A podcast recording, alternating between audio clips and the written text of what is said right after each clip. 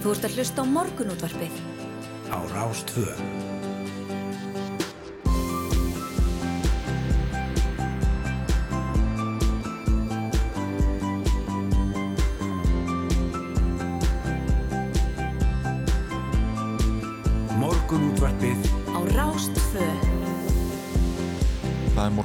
Sem býður góðan dag förstu daginn 12. ágúst klukkuna vattar tímyndir í sjó og það er Yngvar Þór og Rúna Rópesson sem sýta hérna með ykkur til klukkan nýju. Já, góðan daginn og velkomin á, á Fætur, förstu dagur í dag og, og það munaði nú bara einu deg í dag þannig að við getum talað um förstu daginn 13. Já, já, en sem betur fyrr. Já. Betur fyrir að sleppra til, Já, já. fyrir hjá dróðfulla, bara að segja.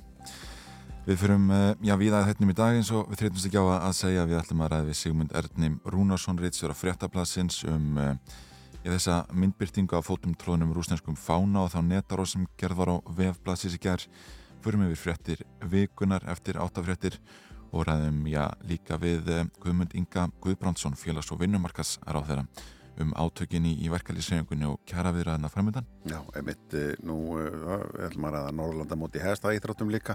Og huld okkar fór í það fyrir okkur en það er hún sérfræðingurinn og uh, fáum pistir frá henni um það eða vital sem hún gerði fyrir okkur í gær í fyrir morgunóttarpið en svo er það töðugjöld sem við ætlum að ræða um svona upp að þáttar hafa verið í gangi frá 1994 að þetta skildu COVID árum náttúrulega en, og svo í lótt þáttar svo undanfarnar fyrsta í sumar fáið til okkur í loka heimsóknuna allan í bili, það er lífskúsneirinn og hárkvöldumestarinn Ólibóki, hann ætla að líta við hjá okkur. Einmitt. tala aðeins um, um, um matarmenningun okkar. Já, já, akkurat. Ég var lítið aðeins á, á uh, blöðin. Já, að ekki Mér er hérna, og þú ætlum að ræða við Sigmund Erdnir Rúnarsson hér í lok, uh, ég er hér svona um, um hálf nýju, eitthvað svo leiðis. Já, Það er hér frétta á annari síðu fréttablasins, það sem er rætti við Þórtísu Kolbrunnu Reykjörð Gilvadóttur, utryggisáð þeirra.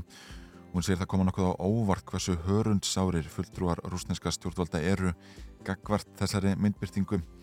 Hún segir, ja, hún segir þetta sem um þessar kröfur rúsneska sendiráðsins gagvart reyðstjórn fréttablasins vegna myndbyrtingar af rúsneska fánunum og Þórti segir þó sjálf hvetil til þess að koma sér fram að virðingu við þjóðfána en ég vil þó líka taka fram að ég til að meiri vannvirðing við rúsneska fánan fælist í þeim hryllilegu og ómanneskilegu glæpum sem framtir eru vísvitandi af stjórnvöldum Rúslands um þessar myndir í nafni þjóðarinnar og undir þessum fána, segir hún og, reistjórn fréttablasins hefur hafnað kröfu sendir ásins um ásökunarbeini og, og þessi netar og segir verið kjart til lörglu. já e, Forsíða morgurblæðsins, það er mynda frá góðstofunum og uh, það er bara mynd frá, við tekjum við við sólóður upprást upprás en uh, þá sést hraunið skriða fram í meradölum óþreytt eftir nóttina stendur hér og þetta er nú glæslega mynd og hann að tekur Róar Agerstad en aðal fréttin á fórsíðu morgunblæsins er þriðingu lakna snýr ekki heim hann var rætt þetta, var rætt þetta gær til, til að mynda og Já. þetta var, var í umræði í fréttum að, að uh, einhver hluti lækna kemur heim eftir námen en uh, þeir einblina hér á að þriðingur kemur ekki heim. Og uh, hér segir maður Kinsey skísland dregur upp mjög dramatíska mynd af stöðu vísinda á landsbytalanum við höfum farið úr því að vera besta háskólasjúkurhaus í vísindum samanborð við hinnan Norrlanda þjóðunir ykkur kringum 2002 yfir það að fara algjörlega niður á botnin og uh, þetta segir Steinin Þoraldóttur öldunarlæknir og formaður læknar fyrir Íslands. Uh, og við rættum þetta líka í gæri í þetta já. akkurat já. Þetta er áhugavert. Eh, Hér á fórsíðu morgunblassis er hins vegar eh, já, rætt um fiskverð sem á Ísland er komið upp að sársöka mörgum, segir hér og hefur rókið upp að undarvörnum. Hlut af skýringunni eru ástíðabundnar aðstæður en eftirspurnin eftir fiski hefur stór aukist meðal annars vegna stríðsins í Úkrænu. Og fiskverð hefur sennilega aldrei verið hátt og núna, ekki gegnum okkar kerfi, segir Bjarni Rúnar Heimisson, framkvæmdastjóri Riknistofu Fiskmarkaða en já, þar fara um 20% alls íslensk bólfisks í gegn meira á sumrin þegar strandvegar er í gangi. En í vor fór kílóverðið á óslæðum þorski undir 300 krónar en nú er verðið vel á 700 krónur. Já, þetta er mikil hækkuna á stutnum tíma og, og svo sem sé að hækkanir um, víða í matveru og öðru slíku Já, mánuði. heldur betur, mér bara ánum bara um daginn getið tvo bita ísið í raspi Já, í verslun hér í bæ og verðið komur, komur á var 3000 eitthvað krónur já, kíló. þetta er bara svo nautastegur Já, akkurat. Það liggur við sko. Já, já, Já. þetta er ótrúlegt. Þetta hérna eh, síðu tvö í morgunblæðinu þá er talað við Kristján Lofton hjá Kvali HF en þeir tóku svisnenskan dróna tröstatæki en hann segir hérna að, eh, að uh, það er hópur að mynda eh, inn í kvalferði með dróna og eh, er að mynda þeirra starfsmennir þar að störfum og uh, starfsmenn kvals lögðu hald á þann dróna svislendingana uh, og þeir neyta alveg að skila, skila þessar dróna, alltaf vilja hafa nota sem sönunagögn en Kristján Lónsson segir hérna að þetta fólk segist vera frá Swiss National Broadcasting Corporation Já, sem er ekki það sama á ríkisúttarpið því það er Swiss Broadcasting, Broadcasting Corporation. Það national Já. þannig nýta, þá er þetta eitthvað annað. En uh, þar, hann segir þetta sé eins og einhver, eitthvað Hollywood gengi upp í hlýð með hljóðnema og stöng og, og svaka myndatökur en það sem þeir gera aðtöðasendi við er að drónin sem að, sem að eins, og, eins og Kristján segir hérna þurfa að vera í svona 150 metra fjalla frá aðtapna svæðum nema með leifi hann var í 20 metra hæð yfir, sveimaði yfir uh, munum að vinna hann þannig að, hval, starfsmenn hvals voru ekki sáttu við það. Nei, nei Hér á áfórsið morgunblassins eh, fréttablassins öll heldur er líka rétt með það að starfsmanna bústæðir fyrir starfsfólk sem vann að byggingu álversins á reyðarfyrði fyrir góðum 17 árum hafa enn ekki verið fjallaðir af lóð fjaraðbyðar heldur grotna þar niður með tilherandi áhrifum á ásýnd og umhverfi. Valkóa fjaraðál ber ábyrð á reynsunsvæði sem segir hér og hefur ítrekkað endur nýjað heimildir fyrir nótkunarsvæðinu og framlengt reynsunar frestinn en útvistarsvæði með göngulegðum liggur aður lóðin en á myndum á svæðinu má sjá ráftækja á, á víðavangi, brotna rúður á annan tug túpusjónvarpa og annar drasla á víð og dreifum svæðið. E, Já, þetta er svona hálfgerð sapmætti segja. Já, það er reys þetta fyrir 17 árum og, fjöldi túpusjónvarpa Já, ég held að það voru löngu horfin bara úr geimslunum Já, já, akkurat, það er alltaf nóðum þannig Já, eh, mikil fækkun umsóknum endurgræslu sem ákinn en umtalsvært færri beðinir um endurgræslur og virðisökkarskatti vegna vinnu hafa búrist í árinni fyrra. Um 1,8 miljardar hafa verið endurgrættir það sem er að vera árin en tæplega 11 miljardar voru grættir út í fyrra. Og sem kunnit er var eitt af úrraðum ríkistjórnarina til að breyðast við efnaðarsamdrætti af völdum koronaviruna að hækka endurgræslu hlutvall virðisökkarskatts tímabundið úr 60% í 100%. Margir nýttu sér þetta úrraði fyrra og var það framlendi breytir myndum áramótin úrræði sem gerðan gengur undir nafninu. Allir vinna rennir út um næstu að það er ekki að áttar að senda það, þangað inn að drífi því fyrir mánaðamótin. Já, já. Við rættum hérna fyrir vikunum við Ebenezer Þorun Áskersson sem vinnur fyrir Hopp í, Færöfum og hann var að segja frá því að, að það er deilur fyrirtæki sem við stjórnvöld í Færöfum standi enn og hann hafi þurft að fara margar ringi í kringum, kringum uh, lauruglustöðun alltaf fór sekt, uh, alltaf áhört að ræða hann. En hér á annari síðu fréttaplansins er rætt um það að uh, ég er afskútur frá Sóló og Hopp hægi nú á sér á laugveginum en uh, hámassaði rafskúta á Íslandi er 25 km á klökkustund en á laugavegi fara rafskútur frá bæði sólog og hopp þó ekki hraðar en 15 km hraða skútuna koma sérst allstaðar allt að 25 km hraða en svo þegar komið er inn á þetta svo kallega hægsvæði dregur skútan úr hraðanum og kemst ekki hraðar en á 15 og þegar þú komin út af svæðinu þá kemstu aftur hraðar Já. þetta er skemmtileg dæni og hérna maður er orðið vitna því að menn er, hafa verið mjög, mjög hraðir Já, já. innan um fullt af fólki og Já, já. það þarf ekki nema einhver sem er að horfa á einhverja byggingu eða snúi sér við og lappar í veg fyrir svona skútu því, Já, að, já. að maður veit ekki hvað, hvað fólk er að, það tekur í getti manni já, já, sérstaklega á, á þessu svæði þannig að laugaveginum já, og já, það það er svona margt fólk er Já, á, á röldi Já, já, það var spurning hvort þetta að koma þessari teknin í bílana þannig að enginn, enginn fari hraðar Já, en 90 það er, það er að skútur og annars líkt að ef þú keirir niður laugavegin þar sem maður má keira niður Já, já, þá fær maður þetta stundum bara á móti sér. Já, já, já. það er ekkit umfræðinglunar er ekkit alveg alltaf Nei, nei, það er rétti þeim. Stundum á götu og stundum á gangstætt þetta er bara svona eftir hvað hendar Já, já, akkurat, þetta er allavega skemmtilegur og, og, og þægilegur faramátti, getur við sett ég tek undir það. Tek undir það alveg heilsugar. er gjörbreytt öllu. Mjög, já, ég og hjálpa fólki mikið til að snattast svona í miðbyrgjum Já, til að mynda. Og aðeins í útkvarinn Já, en það líður að frettir mjög okkur. Fáum frettir á slæginu klukkan eh, klukkan 7 og heldur sér náfram með eh, morgunútvarpið. Þú ert að hlusta á morgunútvarpið. Á Rástvöð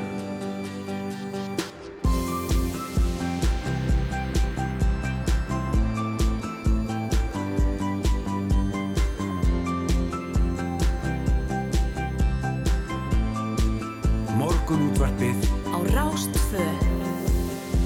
Já, morgunúttarpið býður góðan dag Rúnar Robertsson og Yngvar Þór Björnsson á vaktirinn til klukkan nýju þennan fössudaginn, það er 12. ágúst í dag. Velkomin að fætur. Alltaf hægt að fæna því að þegar fyrstu dagur kemur. Já, uh, vikan búin og helgin tekur við. Við ætlum að ræða margt og mikið í, í þætti dagsins. Það hefur mikið gengið á innan verkalýshefingarinnar í vikunni eftir að drífa Snædal, fórseti ASI tilkynntum afsögn sína Formað bandalags háskólamanna sagði kvöldfröttum í gær að ef átök haldi áfram innan ASI telji það kjara samninga já, viðræður, já, tefji það kjara samninga viðræður á ofinbera markaðnum en um, við ætlum að ræða þessi máli við Guðmund Inga Guðbrandsson félags og vinnumarkaðs ráðþera ræða átökin og, og kjara viðræðna framöndan. Já. Töðugjöld er nú haldin í 2007. skipti en þau hafa verið haldin frá árunni 1994 að endarskildu 2020 og 2021 vegna faraldursins og eru því með eldstu bæjarháttöðu landsins. Hallþóru keppni, fegurðar og hæfileika keppni dýra og söngvakeppni barna með að þessum búður upp á. Við ætlum að ringja eh, austur, Eirikur Vilhelm Sigurðarsson veit allt um töðugjöldin og verður á línunni okkur rétt eh, svona um, um kortir yfir sjö. Nákvæmlega. Og frétti vikuna verða á sínum stað eftir áttafréttir Þóruður Snær Júliusson Ristjóri Kjarnans og Elisabeth Inga Sigurðardóttir fréttakona á stöðu 2 Bilgin og Vísi koma til okkar.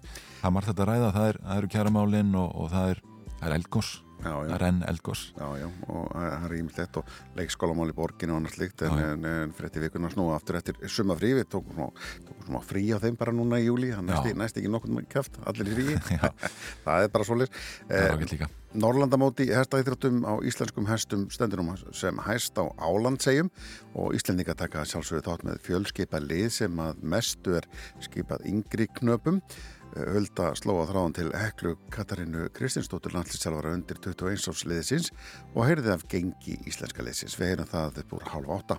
Og um hálf nýju þá ætlum við að Sigmund Erni Rúnarsson, réttstjóra fréttablasins en réttstjórnin þar hefur hafnað kröfur rúsneska sendirásins um afsökunarbeginni vegna myndbyrtingar af fótum tróðunum rúsneskum fána í viðtal við Val eh, Gunnarsson, bladamann sem þarna er úti. Og þá hefur net árá sem gerð var á vefblasis í gær verið kjart til lauruglu en tölvu þrjótar hótuð því að loka vefnum ef rúsneska sendiráðinu bærist ekki afsökunarbeginni, svo afsökunarbeginni kemur ekki. Nei, Valur er mitt í Ukrænu hefur verið að senda okkur pisla reglulega núna í Já, sömar já. og mjög áhugaverði pislar hann hjá honum þar sem hann kemur okkur svona aðeins inn í, í, í þjóðarsáluna líka ánsamt því að segja frá því sem að fyrir auguber á strísvæði. Nú undanvarna fyrstudaga í sömar hefur fengið til okkar lífskúrsnirinn hálfgræslumestrarna Jæmarinn Ólaboka Heiðarsson til að fara hann aðeins yfir það sem er að gerast hjá landanum í mannlífi, menning og mat og hann ætlar að koma í kaffi í lok þáttar svona í síðaskipti í bíli svona sömar eða svona líðundur loki á okkur þetta er alltaf að fara, fa falla í, í, í rétta skorður hér því að hérna, Snærós snýr eh, tilbaka eftir helgi Já, já. þá er morgunúttarpið bara full manna eins og, eins og vera ber. Ég kom áttur í þessari viku og, og svona hvers dagurinn að taka við. Já, svolítið mikið svolítið sko Mm. Já, já, já En við ætlum að kíkja til viður sér eftir eh, smástund, kannski fá fyrsta lag dagsins hjá okkur sem að Káká á og þetta er af hans fyrstu blötu I Got a Woman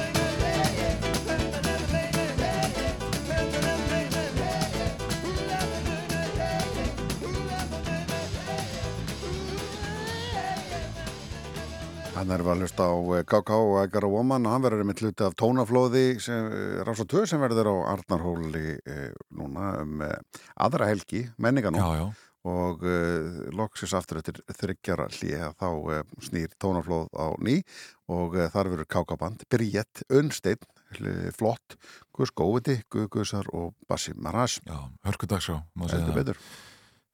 og, og, og fjölbreytt. Ef að kikja til veðurs aðeins, uh, hugleðinga veðurfræðings í morgunsárið er að þá veru vestan og suðvestan góla eða kaldi í dag og víða skúrir en úrkomi lítið á suður og vesturlandi þegar að líður á daginn. Hiti átt til 17 stega deginum hlýjast austanlands. Fremur hæg suðulega eða breytil átt á morgun og stöku skúrir norðalands á sunnaverðlandinu verður skýja með köplum og yfirleitt þurrt en líkur á vætu undir kvöld hiti 7-14 steg. Eh, norðlaga átt á sunnudag víða góla eða kaldi væta með köplum á norðanverðlandinu og fremur svalt í veðri en sunnan heiða verða stökuskúrir og mildara yfir daginn. Já, hér á höfuborgarsæðinu verður vestan 3-8 metrar á sengutu í dag og smá skúrir, suðulegar á morgun og skýja með köplum en líkur á vætu undir kvöld hitti 8 til 13 stig á lögudaginn, staðan svipuð hitti 7 til 14 stig, vestlega eða breytilega 8 og dálitlir skúrir eða þurft að kalla svona á, á hérna, já, já, á sunnaverulandinu Já, yfir helgina.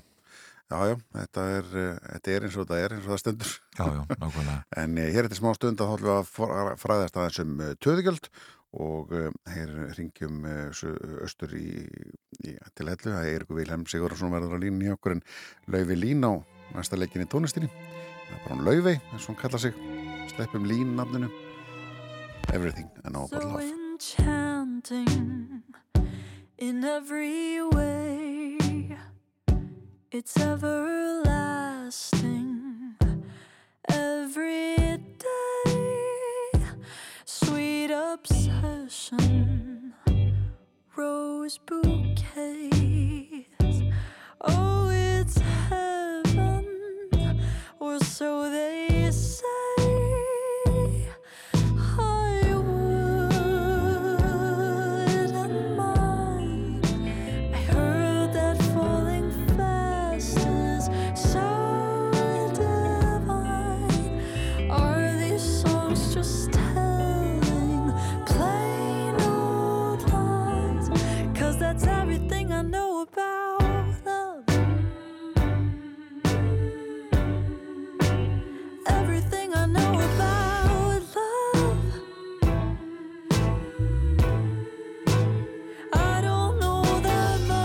at all. I trip, I fall.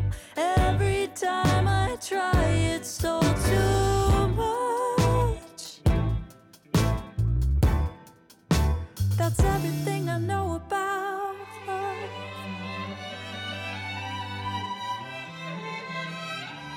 Captivating angel eyes,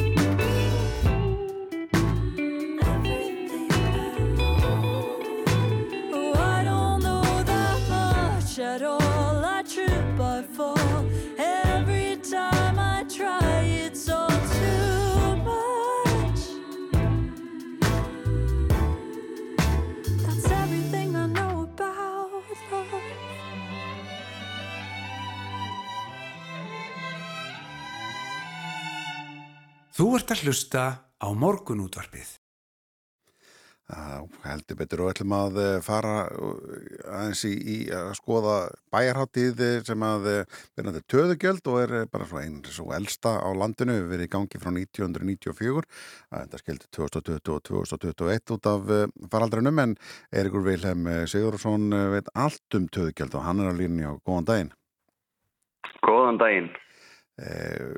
Þetta er svolítið merkilegt að það sé búin að vera í gangi þetta sé 2007. skipti sem að töðugjöld fyrir fram þetta er nú, uh, þetta er nú hérna svolítið langu tími komin Já, þetta er það sko Já. bara ótrúlega ótrúlega skemmtilegt að hérna að bara menn hafi alltaf haldið áfram með þennan viðburðs virkilega skemmtilega helgi og hérna svona á sér mikilvægan sessi í sérstaklega hugum svona íbúa og brottfluttra. Já, einmitt, það er yfirleitt sem maður sér þegar maður kíkir hérna á dasgrána sem að við ykkur aðtegli eins og til dæmis, ég veit að í gerðkvöldi voru rattur og rángarþingi á straktahotellinu og það vantarlega hefur verið eitthvað. Já, og, og... Það, var, það, það voru algjörlega frábærir tónleikar í gerðkvöldi.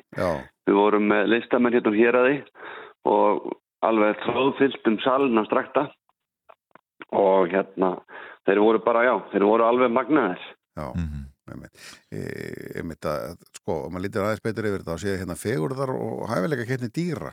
Hvað er það? Já, það er fegurðar og hæfilega kemni dýra. Já, og hvað, eru þau bara hérna, fá verkefni og hérna? Þetta er, þetta er viðbröð sem er búin að vera með okkur bara mjög lengi. Ég veit nú ekki hvort hann hefur verið frá upphafi en allavegna ég hef komið að hátíðinni síðan 2016 og hefur, þetta hefur verið einn af þessum förstu viðbröðum.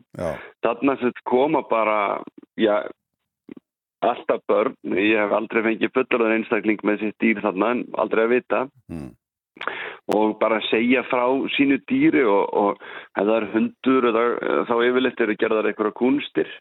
Ég man eftir því að það, það hefur komið kálfur og það hefur komið geit og það hefur komið gullfiskur. Gullfiskurinn gerði nú litla rósir en, en, en eigandin segði hins vegar alveg frábæra svona sögu af gullfisknum sem að þetta allir trúðu og hérna þannig að þetta er þetta er mjög skemmtilegur viðbörður Já, og, og hver dæmir, dæmir hæfileika dýra? Herðu, það eru íbúar úr, úr gulakverfinu við á hverju ári er það eitt hverfi sem kemur á því að halda töðugjöld á markas- og sveitafélagsins sem er ég. Já. Og hérna og þá eru þá er þryggja mann á dómnefnd úr hverfinu sem, a, sem að dæmir uh, hvað maður að segja fegurst og hæfileikar ykkarsta dýrið. Mm -hmm. Já, það er skemmtilegt og, og ég reyka augun líka í kassaklifur mann oft séð myndir af því sem að mennur að byggja undir sér kassa til að fara eins átt og hægt er er það ekki það sem að um er ræðir hann? Jú, það er það sem um ræðir það er flugbrökunarsveitin á hellu sem stendur fyrir tí hjá okkur og, og hérna mikið til að kunna sjá hvað menn komast á. Já, mannstu hvað metið er í þessu? Nei, við, þetta verður ekki verið áður hjá okkur. Nei, ok. Mm. Já, já, já. Þannig að, þannig að það verður sett nýtt nett. Já, nákvæmlega. Og e, þetta greinlega er svona eins og típ, típisku bæjarháttíð, bara svona fjölskyldu háttíð því að þarna er til dæmis söngketni barna. Já, Þannig að það er söngketni barna. Og margir sem taka þátt í því. Og, og gaman að það er mjög vel sótt og, og gaman að segja frá því að, að það er hefð fyrir því að Sigurvegari, þetta er tvískipt yngri og eldri hópur og Sigurvegari eldri, eldri hópnum hann, húnum er bóðið að koma fram á kvöldvökunni á lögutaskvöldi Já, já að Það er, er skemmtilegt. Ja, það, já. já.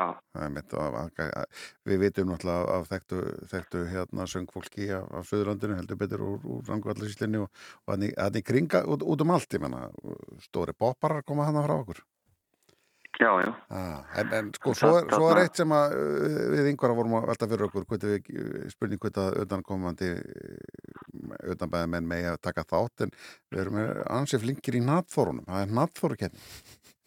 Já, það er bara um að gera þið, þið smellið í eina nattþóru og, og komið til okkar það getur unni glæsilegt jáðabrið frá sætum syndum og, hérna, og það er bara hérna, þetta, er, þetta er mjög skemmtileg keppni það eru allir sínis í, í markastjaldunum nattþórunar og svo þegar gefnin er búin ef að dómnefndin hefur ekki klárað allar kökundar sem er nú frekar erfitt fyrir þryggjaman að dómnefnd en hérna að þá, þá mega bara allir fá sér kökur þannig að ef þið gugnið á því að baka þá komið allavega að smakka Já, já, einmitt. Já, í, Við kom- það, í það minnsta. Já, já. Já. Við ljótum okkur annarkvæmt með nallþóru eða, eða, eeða eitthvað dýr. Já. Mm. Segðu okkur, hva, hvað er að frétta frá þínum slóðum, Eirikur? Allt, allt fullt af ferðamönnum og brjála að gera? Já, sumar hefur bara verið alveg ævintýralegt, segja menn mér hér í ferðarþjónustunni Mm. og hérna bara heldur betur tekið við sér og, og, og útliti gott fram á haust Já, og, og svo þetta hjálpar þetta eldgós heilmikið til fyrir veturinn já, vonum bara að, að það svona, hvað maður að segja hafi hægt um sig en, en haldi áfram já. Þið, þið náttúrulega takið mjög vel eftir aukningu já, á eða ferðamannaströmmurinn ekst og annars lít þetta náttúrulega rennir allt í gegnum bæin hjá okkur.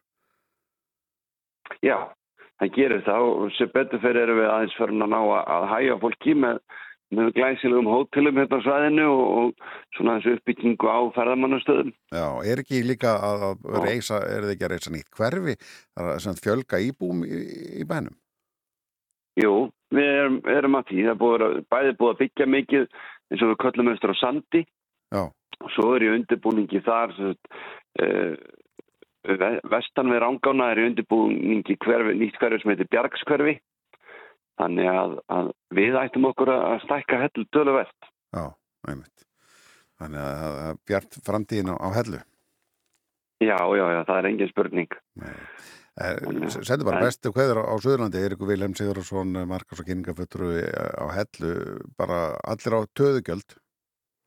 Já, við sjáumst bara og ég laka til að sjá hvaða köku þið komum með á lögadaginn Já, nú fyrir við að hugsa um eitthvað öskrift. Já, já. Við verðum þá að rífast um hana. Já, Já, Takk fyrir þetta, bestu herðu, takk hjá fyrir spjallið. Takk. Fyrir. kveður, já, já, bless, bless og, og uh, það er spurning, sko, ég vil gera ákveðna, eða með ákveðna öskrift í huga, þú vilt með eitthvað annað, þannig að við erum að ná einhverju lendi hvað annað. já, við blöndum einhvern veginn saman og, og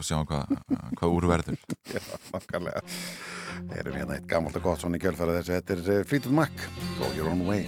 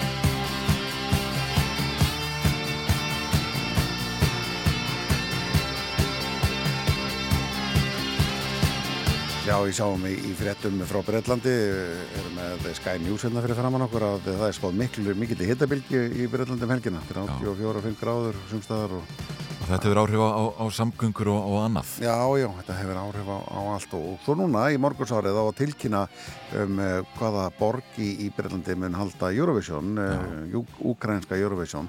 Og uh, það er spurning, þetta verður tilkynnt uh, í dag en uh, hér eftir uh, frétta yfirleitt sem kemur klukkan halv åtta þá uh, ætlar hún höld okkar að, að uh, tala eins um Norrlandamóti uh, í hestæþróttum á íslenskum hestum sem stendur nú sem hæst en uh, meira um það þá eftir höld að tekur boltan á lofti eftir frétta yfirleitið.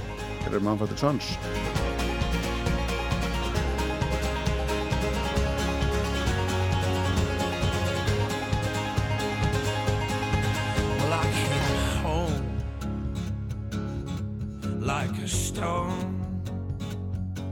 And I fell heavy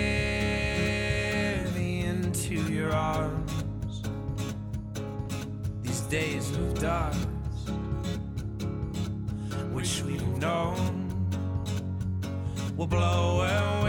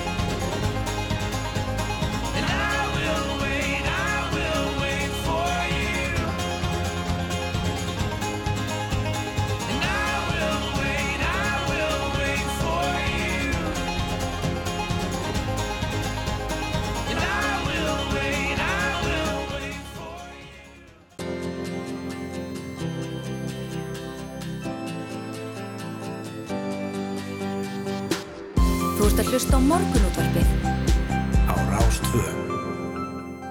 Norðurlandamóti hesta íþróttum íslenska hessin stendur yfir þessa dagana á Álandsegjum og þar er stödd Hekla Katarína Kristinsdóttir, hún er landslýstjálfari undir 21 ás landslýsins í hesta íþróttum og Hekla er á línunni, góðan daginn. Góðan daginn, Hulda. Hvernig hefur gengið hjá ykkur uh, þarna úti á mótinu og, og, og hversu mörg er að keppa fyrir hönd Íslands? Við erum bara nokkuð brött með okkur. Svona mót eins og Norðurlandamót, þá erum við náttúrulega aðeins öðruvísi stöðu heldur en hinlöndin því að hinlöndin koma náttúrulega með sína keppundur, sína hesta sem hafa, allir keppundunni þar hafa þjálfa sína hesta sjálfur Já.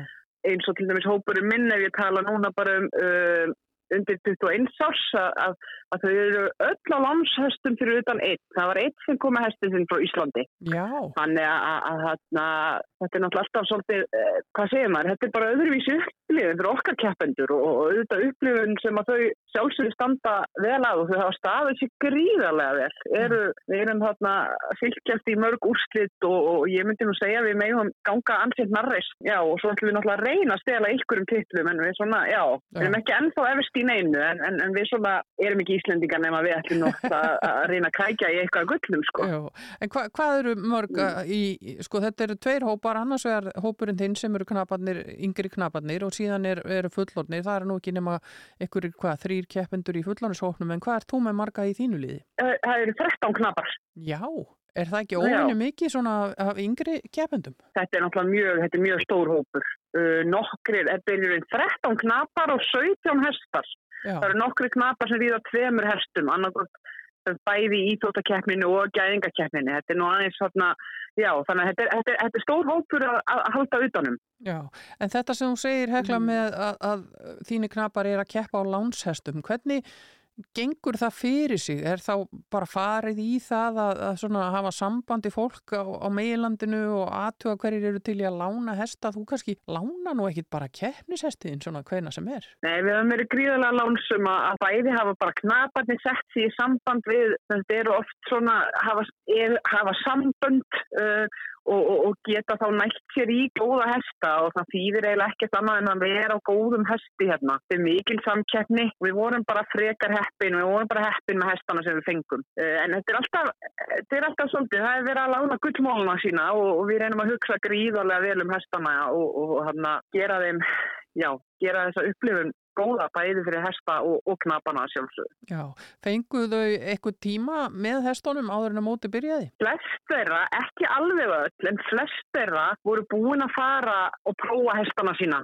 aðeins fyrir í sumar og jafnvel síðasta vetur sko Mm. uh, í undirbúinistímabilinu til að undirbúa þetta. Mm Sumir komu bara að prófaði hestin, prófaði hestin sinn á sunnudegi meira segja Já, og keftu strax á þriðudegi þannig að þeir voru búin að fara tvísvar á bak þannig að þetta er, já, þetta er, þetta er alvöru, alvöru pakki sko. já, þetta heitir að henda sér beint að- út í djúbulögina. Algjörlega og ástæðan fyrir því svo við kannski höldum því til haga þá var þess að Íslandsmót batna og unglinga þau voru að klára að keppa á laugadegi uh, þar þannig að Já. þess vegna komast þau ekki fyrir á sunnudegi þannig að þetta er, þetta er búið að vera þetta er búið að vera alvöru rússipanni en skemmtilegur er hann. Já, ég skal trúa því.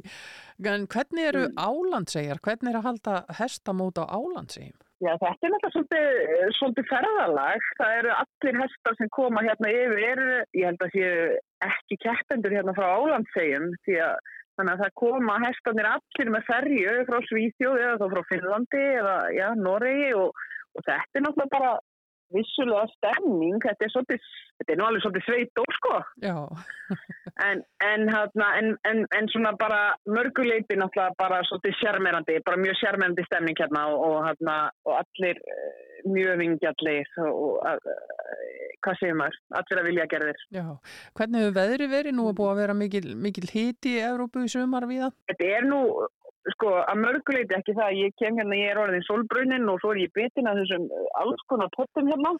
um, og við Íslandingandi við erum svona aðeins að vera að smakka aðeins á okkur hérna, en, en, en það er mikið sól, en það sem er svolítið lukkulegt hérna er að það er, er svona aðeins, góla líka, þannig að veist, það bjarga nú miklu. Já. En framundan um Já. helgina eru þá úrslit í öllum greinum. Það er búið að vera fórkeppni núna uh, út vikuna og, og svo er það úrslitin uh, um helgina og, og þú er bjarsín á að okkar fólk uh, gerir góða hluti þar. Já, og okkur langar nú að reyna að hérna, við förum alltaf til þess að, ná sem allra mestum árangri úr okkar knöpum og hestum og, og, og, og, við ætlum að brína, brína vípennuna fyrir, fyrir áslitin og hérna reyna að velja þeim myndir ökkum eins og ég segi, við erum ekki eftir fóru keppni í neitt grein en, en, en við, hérna, við ætlum að láta til okkar taka. Já, svo er það kannski næsta stóra verkefni hjá, hjá þér sem landslýstjálfara og ykkur þarna úti Sigurbjörn Barðarsson auðvitað landslýstjálfari líka hjá þeim fullornu. Uh, Það er heimsmeistramót næsta sumar. Já, við, og þetta gerir ekki annað en að brína okkur því að hér eru uh, allir knapar gríðalega vel hestaðir og þetta eru Norðurlöndin og svo bætast við öll Hínlöndin og, og, og, og við þurfum virkilega, við erum náttúrulega stórkostlega knapa sem bæði eru hérna með mér núna og eru heima með sína eigin hesta sem þau þjálfa sjálf og þeir hestar fara náttúrulega að keppa við þá bestu á næstari á heimsmyndstarnamóti í Hollandi og, og hana, þar, þar ætlum við okkur stóra, stóra hluti. Já, og þá erum við komin aftur í þesta, þennan raunveruleika sem að íslensku knaparnir búa við. Það er að segja að þú fer með keppnishestiðin úr landi og hann kemur ekkert með þér heima aftur. Nei, og þetta, er nefnilega rétt öðrulda sko. Þetta er, þetta, er, þetta er stór ákvörðun en mjög margir knapar þarna heima. Þetta er líka, þetta er algjört, algjör veistla að fara á heimsmyndstaramót og þangað vilja allir fara. En, en, en viss treyji því að það er rétt, hesturinn má síðan ekki, ekki koma aftur, aftur heim til Íslands. Já, þú hefur prófað þetta sjálf, þú hefur keppt á heimsmestramóti og, og, og þurftir að kveðja þinn góða félaga þar. Já, þetta, uh, því gleymir ég aldrei sko. Man gleymir ekki bæði genginu, það gekk gríðarlega vel, en jú, það er, það er ekkert, ekkert, ekkert auðvöld stund að kveðja en oft fá þessir hestar gríðarlega gott atlæti og þeir fara á stað þar sem er hugsað gríðarlega vel um þá og, og hérna, þannig, að, þannig að það er nú líka, það er bara þannig. Já, já. Þessi hestar fara allir á mjög góða staði, jú, jú, enda, eftir nót. enda verðmæti gripir og eftirsóttir en þetta eru annar raunveruleiki hérna hjá okkur á Norðurlandamótinu núna því að eins og segir að þá eru uh, þínir knappar að keppa á lánshestum sem að hafa þegar verið fluttir til meilandsins eða eru fættir þar og fara þá bara aftur til síns heima það móti lóknu. Algjörlega, en hann, hann Eisteinn og er að keppa í ungmennaflokki, hann er, hann tók hestið sinn með frá Íslandi Já. og er að keppa hestinu sínum laug frá Varmalæk, þannig að hann, já, þannig að hann tók slægin og, og erum við mjög spennt, hann fyrir að keppa í dag. Það er, uh, það, hann hefur góðan stuðning þegar að kemur að kveðjustund með, með allt þetta góða lið með sér. Hefur ekki stemmingin bara verið góð í hófnum? Jú, þetta er, þetta er stórkostlegur hópur, mjög samheldinn og, og hana, þó að við séum nefnilega einstaklingsýþrótt, þá, hana, þá er þetta e, að vera svona í landsliði, þetta að peppa, allir að peppa hvern annan og við viljum alltaf öllum það besta og helst alltaf það besta fyrir Íslandingana sko. Þannig að við erum, þetta er, þetta er mjög góður hópur. Það er gott að heyra. Gaman að heyra eins í þér Hekla Katarina Kristinsdóttir landslistjálfari undir 21 árs landslýsins í hestaíþróttum. Við sendum bara bestu kveðjur til Álandsegja og óskum ykkur góðs gengis í úrslitónum um helgina. Takk hella fyrir það, Hulda. Já, einmitt uh, og hann má bæta við. Já, já, einmitt, eh, það má bæta því við að eftir spjall þeirra huldi og heklu kefti Eisteinn Kristinsson á hesti sínum lauki frá varmaleg í gæðingakeppni ungmenna var þar efstur í, í fórkeppninni svo nú leiða Íslendingar í þeirri grein hulda skautus að akkur svona hérna. Já, svona einmitt í gerkvöldi. Nú uh, það er verið að uh, tilkynna í Breitlandi núna hvaða lönd, nei, hvaða borgir koma til greina Já, sem uh, borgir sem halda Eurovision keppnin í ár og það verður tilkynnt von bráðar og við kannski rennum við þann lista hér í, í morgun útarpinu ef hann dettur inn fyrir klukkan nýjum, ég sínist að nú vera að detta inn fyrir klukkan átta með já, þessi. já, Breska Ríkisvotafleði verið í, í beinni frá Leopold eh,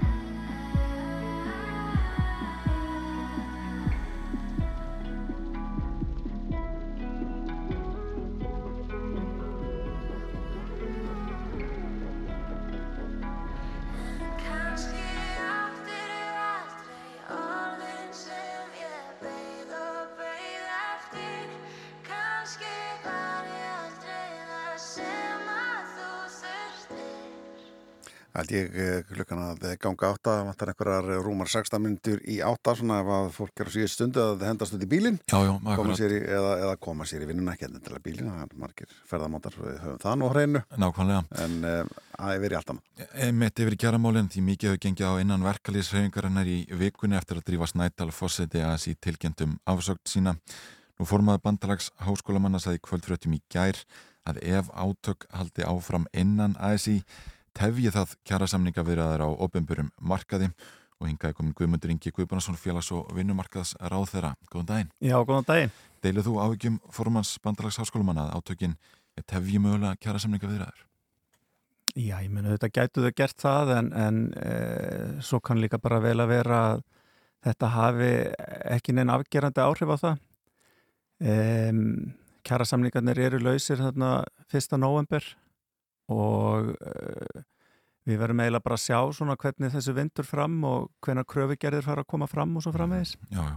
Hvernig, sko, þetta hafa verið ótrúlega dagar núna, hvernig hafa síðustu dagar verið frá þínum bæjartunum sér?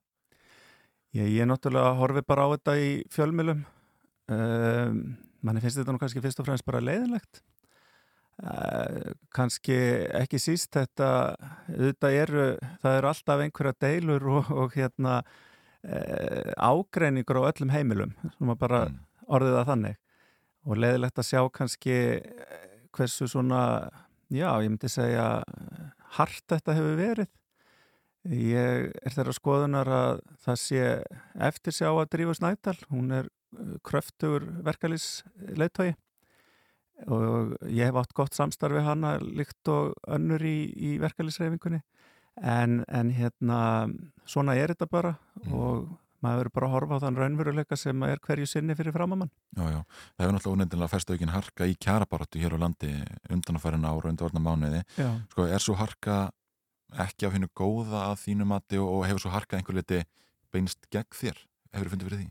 Eh, Sko ég held að það sé bara mjög jákvætt að verkalýs baráttan sé talsvert hörð vegna þess að e, við Íslendingar við megum þakka verkalýsreifingunni mjög mörg þeirra réttinda sem við njótum í dag eftir áratöga baráttu í langan tíma.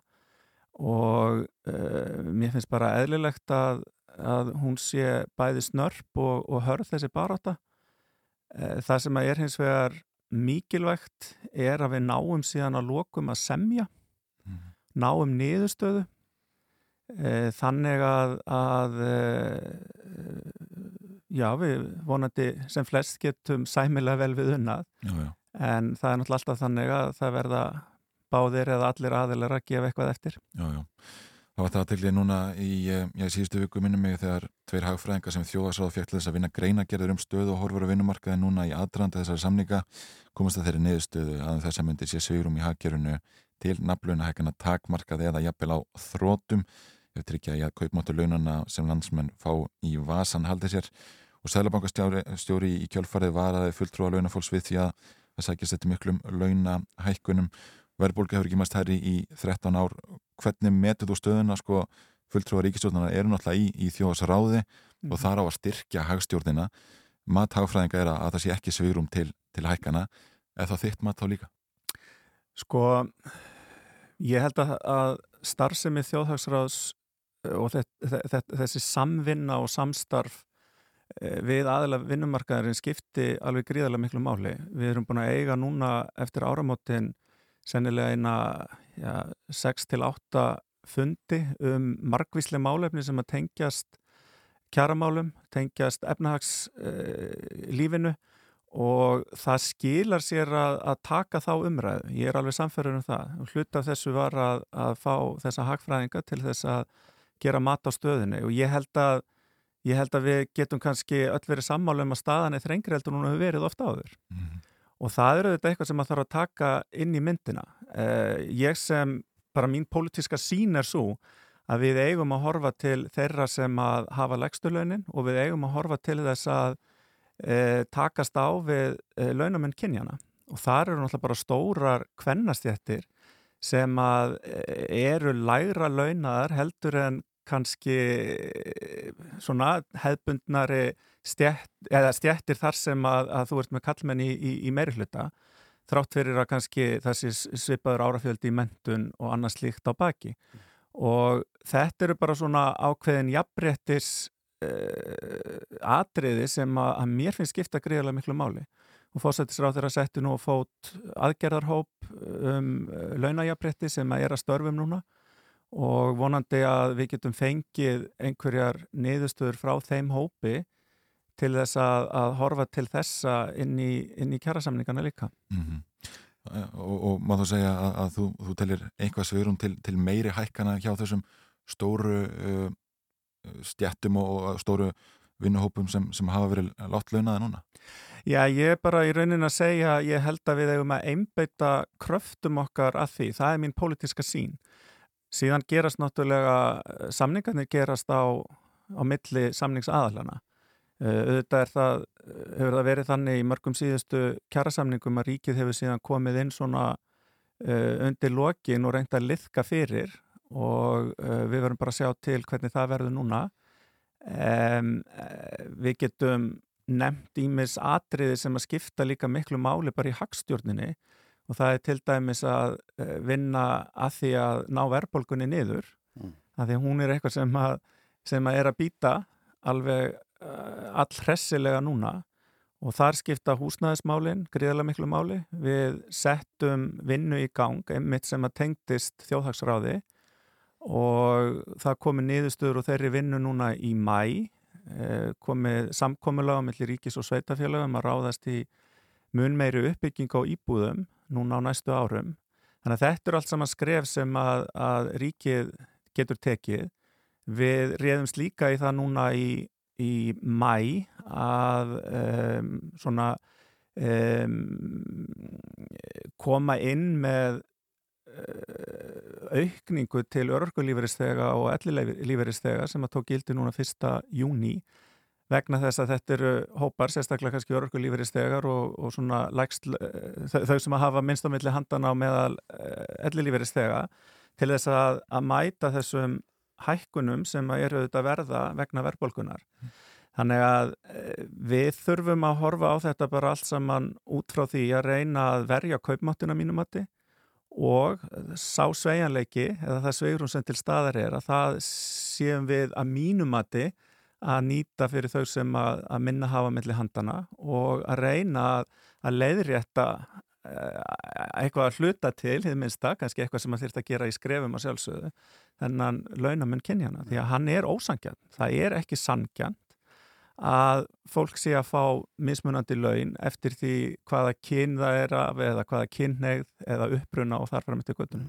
En uh, skiluru það sem að heyrist þú verkararsefingunni að armunum þeirra og fólk sem að kvartar í því að það, það er alltaf sagt þetta fyrir hver einstu karasamninga á svona stóru markaði eða sko þegar að svona margir samningar eru lausir að uh, þetta megi ekki, það verður ekki megi ekki einan hækkanir en við erum búin að sjá mikla hækkanir hjá efsturlögum samfélagsins og, og, og arð og, og þá er ekkit grítið að verklæðisreifingin segir, heyrðu, betur, mögum við ekki vera með? Nei, mér finnst það bara ekkert skrítið, ég bara tek undir það og það sem við þurfum að horfa á e, líka er náttúrulega að okkur hefur tekist núna á undarförnum árum að hækka legstulönin. Það er nýjasta skýsla kjaratölfræði nefndar sínir það, e, nefnd sem var sett á laginnar árið 2019 Um, þar sem að aðeila vinnumarkaðarins eru í þeirri nefnd líka á samt stjórnvöldum.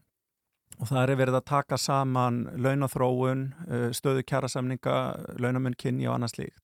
Og þar sést að, að uh, okkur hefur tekist að, að bæða hækka legstu launin. Það hefur dreyið úr launamunn kynjana meira hjá sveitafélögum heldur en, en, en ríki. Um, og okkur hefur tekist að verja kaupmátt, kaupmátt sem að er mjög hár miða við mörg önnur lönd í kringum okkur og allt þetta skiptir máli. Mér langar að nefna eitt enn sem að mér finnst skipta miklu máli varðandi vinnumarkaðin og það er að okkur takist núna á næstu árum að það sem að ég vil kalla að opna vinnumarkaðin meira fyrir meiri fjölbreytileika. Og hvað á ég við með því? Jú, það sem ég meina er það að hann sé opnari gagvart í að taka fatlað fólk til vinnu sem hefur mismikla starfsgetu, hann sé opnari fyrir því að taka uh, fólk af Erlendubergi brotið um, og þess að jaðar hópa samfélagsins sem að við erum að sjá eins og til dæmis á atvinnuleysis tölum að það eru fleira fólk að erlendum uppruna sem að e, er atvinnuleust að meðaltali með að við hversu mörg búa hérna. Og ekki síst að, að gera hann aðgengilegri fyrir fólk sem að hefur ekki fulla starfsketu og við þurfum að passa það að örorku líferis kerfið sjálft sem að er oft gaggrínt réttilega fyrir að vera oflókið það séu ómikla skerðingar og miklar hindranir fyrir fólk að fara út á vinnumarkaðin við þurfum að breyta því á sama tíma til þess að geta nýtt þann mannauð sem að felst í fólki sem að hefur minni starfsgetu heldur en, heldur en 100% Akkurat. Solveigana Jónsdóttir formaður eflingar var hjá okkur hérna í byrjunu vikunar og þar gaggrindi hún og, og samræðsleysi í aðranda þess að kjara þeirra að þau hefði ekkert fengið að koma að borðinu þarna hvað var það þjóðasráð til að mynda og saði síðan að hún ber ekki lengur traust til stjórnvalda og nefndi því sammingi meðal annars vanemdir á, á lífskjara sammingnum. Er það þitt mat að það sé ekki traust á milli verkalýsreifingarinnar og, og stjórnvalda og já, ekki hafi gengið nægilega vel það koma að stuðningi stjórnvalda við þennan lífskjara samning? Sko í fyrsta lagi þá held ég að það sé kannski almenn regla að það er alltaf hægt að hafa meira samráð. En hins vegar held ég að það hafi sennilega sjaldan eða aldrei verið meira samráð stjórnvalda við aðila vinnumarkaðarins og einmitt í gegnum þjóðhagsráð. Í þjóðhagsráði eiga fulltrúar verkalýsreifingarinnar uh, sinn fulltrúa eða á verkalýsreifingin sinn fulltrúa sem hefur verið fórsetið ASI og uh, þar er líka fulltrúar annara stórra samtaka, PSRB og, og BHM og síðan uh, samtaka atvinnulífsins. Þannig að við borðið er svo sannarlega fulltrúi verkalýsreifingarinnar. Uh, það er síðan, þar verkalýsreifingin, hún þarf náttúrulega að, að um, hvað ég var að segja, krunga sig saman til þess að koma fram með sínar áherslur þar inn og uh, áherslur verkalýsreifingarinnar hafa svo sannarlega heyrst á þessum fundum. Þannig að ég er nú ekki sammála því að, að eh, sko samráðið eða samtalið sé ekki til staðar. Eh, það er hins vegar örglega hægt að að taka það ennþá lengra. Ég er ekkert að, að hefast um það. Þar sem er talað þá við líka stór aðeldarfélög og svo framhegis og, og eitthvað sem að minnst alveg koma til greina að gera að sjálfsögðu um, þannig að mér finnst nú svona þessi gaggrinni kannski, kannski ekki mjög sangjörn hvað var þar uh, traust uh, maður náttúrulega bara vonast til þess að uh, það sé hægt að byggja upp og hluti af því að vera með þjóðhagsráð er að byggja upp meira traust á milli aðila þannig að það sé setið í borð þar sem að allir hafa aðgang að sömu upplýsingum á sama tíma og slíkt skiptir máli þegar við förum inn í, í kjaraviðröður. Ég mitt. Ég held að komast ekki lengra í þetta skiptið því meður Guðmundur Ingi Guðbrandsson, félags- og vinnumarkaðsráðara. Við hefum eflust þessar að ræða oftar við því núna á næstu mánu. Takk fyrir að koma. Takk hérlega. Já og uh, hér eftir uh, smá stundu þá var það fréttir á slæginu klukkan uh, átta og uh, það sem að við ætlum að gera hins, vegar á næsta klukktíma, það eru fréttir vikunar. Já, já, þau koma til okkar Þórusnar Júliusson, Ristjóri Kjarnas og Elisabeth Inga Sigurðardóttir. Við ætlum að ræða margt og mikið, það eru kjaramálin, það er eldgors á Reykjaneskaga og, og leikskólamáli í borginni. Já, já, meðal þessu það er að ræða mjög mislegt en svo erum við að sjá það hjá BBC hér að þeir eru að tilkynna um þær sex borgir sem að, sem að uh, eru svona komin á, á svona, hvað að segja, í úrslitum að halda Eurovision uh, næsta já, vor. Já, hann var Sheffield til að mynda. Já, það eru hann að maður sjá, ég er nú með listan hérna Glasgow, uh, Birmingham, Glasgow, Leeds, Liverpool Manchester, Newcastle og Sheffield Já. og uh, það er spurning hvernig þetta verður síðan tilkynnt en þe þe þessar borgir berjast um að fá að halda þetta Já, já. Þannig að það er bara gaman Það verður spennend að sjá. Já, já, en uh, frétti framöndan á slæginu klukkan 8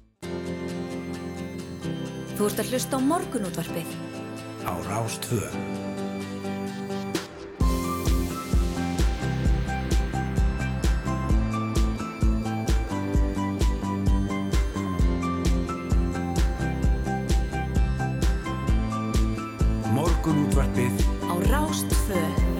Höldum áfram hér í morgun útarpinu og uh, snúum tilbaka með liðin fréttir vikunar eftir smá sumafrí. Já, já, akkurat, uh, höldum áfram að vera með fréttir vikunar hérna í vetur eftir áttafréttir og þau eru komið til okkar Þóruðsnar Júliusson Ríðstjóri Kjarnans og Elisabeth Inga Sigurðardóttir fréttakon á stöð 2 Bilgjunni og Vísi. Góðan daginn. Góðan dag. Við verðum nú eiginlega að byrja, Þóruðsnar vegna þess að við erum með þig hérna að um, Lörglun og Norrlandi Eistra bóðaði þig og aðra þrjá bladamenn sem hafa réttastöðu sagbortnings vegna meintra brota á friðhelgi engalífs til skýslutöku að nýju og, og ég, þú gaf skýslu í gær, hvað kom þarna fram og, og hvað var spurtum?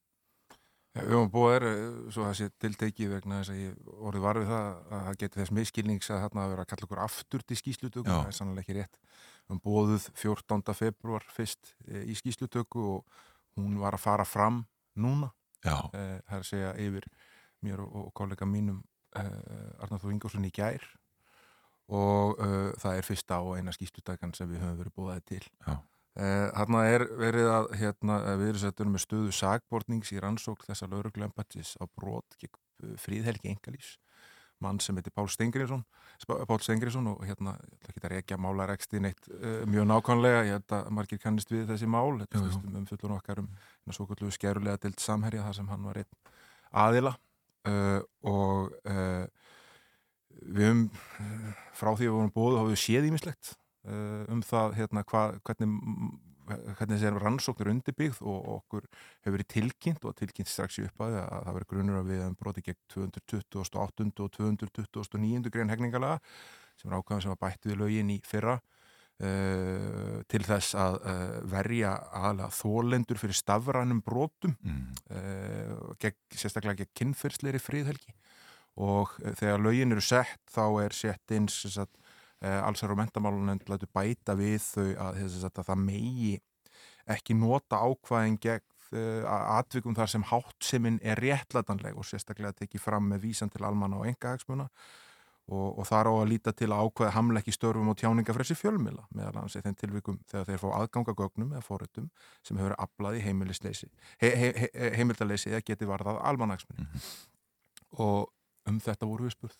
Ekkit annars við vorum spurðum og spurðum hverjir uh, heimildamenn okkar væru og hérna, eða ég var spurður um hverjir heimildamenn okkar væru og e, eðlilega við lögum fram bókunni og lögum að minni upphafi yfirreyslu þar sem við sögðum að við getum ekki svara þeim spurningum, þá voru að brjóta gegn 25 grein laga um fjölmila um vernd heimildamanna. Og, og e, svo voru við spurð um það e, hvernig ákvarnar eru teknar um að nýta gögn til e, umfjallana í, í, í fjölmilum Já. það var eiginlega bara fyrst og síðast það, það var ekkit annað þannig að niðurstaðan er svo að það er verið að rannsaka okkur fyrir að skrifa fréttir upp úr gögnum Mm -hmm. Komur óvart að það væri spurt svona þröngt? Já, það komur óvart að það var á því að skilja þeim greinageru sem var skilað inn e, til dómstóla vegna þess að einn e, annar sem er með sag, stuðu sagbótning því þessum málum hefur látið reyna á rétt lögreglu til þess að rannsaka blaðamenn með þessum hætti Uh, og í þeim greinagerðum og gögnum sem við séð þar þá virtist þetta mál vera uh, að þau voru að skoða þetta að víðara umfangi, þau voru að skoða einhvers konar deilingar á einhverjum hérna, uh, kynlífsmyndbundu sem átt að vera að finna í þessum gögnum og okkur svo leis það var ekkert spurtu slíkt. Uh, og sannarlega ekki um, um hérna, eins og margir hafa nýtt sér þessar aðstæðu til þess að gera hérna, að gefa það í skinni að segja það berum orðum að sem aðeira því að hafa eitrað fyrir ykkur fólki og, og, og stólið að þeim egnum Mhm. uh, þetta fjastæðukent og, og engin grunur um slíkt gagvart okkur í þessari rannsókn. Uh, það er mjög skýrt uh, hvaða ákvæði það eru sem þeir telja okkur hafa broti uh, og mér finnst það enn augljósara en áður að, hérna, að nú sé þetta uh, þessi vekkferð sem ég upplifi bara sem fyrst og síðast kælingartilrun gagvart fjölmjölum og, og, og það að reyna að draga eitthvað ný mörg í hver tjáningafrelsis mörg fjölmjöla liggja að hún sé runnin á enda Mhm. og, hérna, og þetta verði svona það síðasta sem ég heyri af þessu máli Já, hvað heldur að taka við núna? Heldur, heldur þetta verði Ég hef ekki hugmynd, ég veit ekki hversu langa tíma þeir alltaf taka að fara yfir þetta en ég menna það er með að við það sem þau spurðum um og, hef, og auðvitað með bara það sem ég veit sem beitt þáttakandi í það að, að taka ákvörun og óbyrja með þess að taka ákvörun um það að fjalla um gögn sem ég til að ég erindi við almenning Mhm. setja fram það mér umfjallanir og ég til að, að viðbröðin og, og, og dómurinn yfir því hvort að hlutir eigi, umfjallanir eigi erindi við almenning, hún liggur hjá almenningi og í þessu tilfelli hefur engin uh, reynd það sem var framsett það hefur ein- ekki komin fram uh, neinar beðinir um neinar leiðréttingur og nokkuð sköpum hlut. Uh, viðbröðin voru heilt yfir nánastu sömu. Það er segja að, hérna, að aðtæfið var fordæmt af ráðamönnum, af uh, alls konar forvísmönnum samfélaginu, af fjölmjölafólki, af stjættafélögum, uh, af mörgum uh, innan almennings. Og á endanum baðst fyrirtæki sem þarna er undir samherri afsökunar á því að gengi og langt. Mhm. Ég er engi vafi í mínum huga að þetta átti erundi almenning og þar að leiðandi þessi klausa sem ég var að lesa þetta upp á lög- lögunum á hann, hún auðvitað kildir um þetta. Já. Þannig að hérna, þetta er, er skrítin veiðferð sem er búin að halda okkur þeirri stöðu að vera með uh, stöðu sakbortings í rannsókn í meira en hálft ár uh, í vegna umfjöldunar sem skriðu fyrir uh, já, rúmlega ári síðan og uh, hefur verið teikt og tókað í ofnbæri umræðu um það að við séum sakbortningar nánast ákerðir og tengt við það að við höfum verið að eitra fyrir fólki eða stela þeim eignum sem er kolránt og, og, og, og það er, hérna, getur verið faglega íþingjandi, getur náttúrulega líka verið persónlega íþingjandi að sita undir svona í svona langa tíma. Og hérna, ég held að ég vona, vonast bara til þess að, hérna, að uh, þessir kurtisu og hérna og, og, og fínu rannsóðalögum sem spölluðu okkur í gær uh, fara að sjá sómasins í að bara að hætta þessu. Við þurfum að ræða aðrar fréttir eh, það var náttúrulega, já, gekk mikið á innan verkalýsreifingarinnar í vikunni eftir að drífa Snædal fósetti ASI tilkynntum ásögn sína. Elisabeth kom það á, á óvart að, að þessar deilumyndu leða til þess að fósetti ASI séða á sér Það er kannski, kannski ekki óvart að það eru hérna miklar deilur og mikil ólga í verkefliðsreifingunni og það ítrekka verið fluttar fréttar af því en kannski tímasetningin kom svolítið óvart og maður átti ekki vona þessu þegar maður vetti til vinnu núna í vikunni. Uh, sérstaklega svona í ljósi haustsins og hvað hva býðir. Það fylgdi kæra samlingar lausir í haust og mm, Ragnar Þór og Solveig Anna segi þetta mun ekki hafa neina áhrif en maður svona kannski eh, er hrættur um það að þetta muni hafa áhrif. mm. Hvað segir þú Þóður? Er, líklegt að, að þetta hafi einhver áhrif inn í þessar viðræður? Þessar Ég held að- hrókeringar ég- innan verkalýðshreyfingarinnar. Ég held að viðræðunar verði annars eðlis uh, vegna þess að drífa snæddal verður ekki þáttakandi í þeim sem þessi svona miðpunktur sem ASI er í, í, í svona stórum kjaraverðum uh, og ástæðan fyrir því er svo að uh, hún hefur verið Já, hún hefur staðsett sér annar staðar en uh, þeir sem leiða stæstu uh, verkalýsfélögin, eða stjættafélögin, Mhm. uh, sem eru rótækari og hérna hafa verið tilbúinari til að tala með, með svona rótækari hætti og grípa til rótækari aðgerða.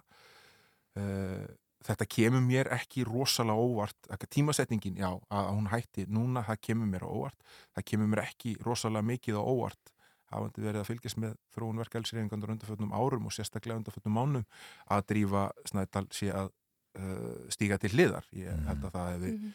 skinnja það að það sé markmið hjá uh, að mista kosti hluta þeirra sem standa að uh, fóristu stæstu verkefælsreifingana að, að koma henni frá og beita, breyta svona dálítið hvernig ASI er að virka og verið ekkit rosalega, fa- farið mikla felur með það og drífa hefur verið einfallega í einhvers konar spennitreyju Mm. það er að segja að, hérna, að reyna að marka sér einhverja stefnu en verið síðan með fórustu fólk uh, annar staðar að úr reyfingunni og fyrirferðarmesta fórustu fólki þetta Solveig Önnu og Ragnar Þór og síður Viljum Birgisson uh, sem eru bara öndurum meiði uh, við hennar stefnumörkun í já, svona, ekki öllu kannski en lang flestum aðri Það er, er líklegt að, að öldunar sé fara að læga þarna. Og sagði formar öldunar í gæra hópur fólks hafa komið til valda með offorsi og einheltist tilbyrðum þetta verður þeirra ennþá eh, stál í stál þá þeirra að drífa sér farin. Það þetta er ekkit búið hvað Nei, ég myndi og hún lýsir þessu sjálf bara að þetta séu tvær blokkir, þarna séu annars vegar blokk Ragnar Þór, Solveig Rönnu og einmitt Viljáms og Starkunum sambandinu og svo blokk hinna sem eru ekki sammála þeim og kannski eru svona meira á, á bandi með drífu. Uh, og kannski það sem að annars vegar getur átt áhrif í haust er það að það þarf að kjósa nýjan fórseta að síðan á sipum tíma. Og svo er líka það eins og hann saði formar öldunar í, í gæra, hann útilokkar ekki að einstakka samtök bara gangi sjálf til samninga þannig að maður veit verður á þessu. Mhm. Það var svona harka í viðræðinum uh, síðast eh, 2019 og 20 en uh, ég eins og því að tölur fjallægum á kjartanum tveir hagfræðing sem þjóðarsáð farið til að vinna greinagerðar um stöð og horfur á vinnumarkaði komast það niðurstöða að svígrún í haggjörun til launahækana sé takmarka eða jafnvel á þrótum Áskir Jónsson, Sælabankastjóri segir einhvern veginn í viðtali bara að, að já, rauninni verkefliðsreifinguna við því að fara fram á, á miklar hækkanir. Uh, það er ekkert endilega oft sem við heyrum sko Sæðlabankastjóra beita sér með þessum beina hætti. Ég veit ekki, eh, nú er þetta selabankastjóri hefur þetta verið ansi yfirlýsingaglæður uh, um hitt og þetta sko frá því að það er svona hluti af þeim persónuleika sem hann hefur komið inn í starfið og hérna og ekki alltaf, stundum var ekki kátinu og, og hérna gleði og ekki, ekki alltaf í öllum hópum og það var þannig uh, sannarlega í þetta skiptið að hérna, þetta fór mjög öfugt ofan í marga sem uh, eru í fórsvari fyrir verkefælsi uh, ég held að flestir uh, átti sig á því að höfrungarhlaup kaupækana uh, er alltaf til ama fyrir alla. Það er að segja ef við förum í það að hérna að einn hópur næsir í mjög háa uh, krónutölu hækkun, þá fer næsti og hoppar yfir baki honum og næri sömu hækkun og svo frammeðis.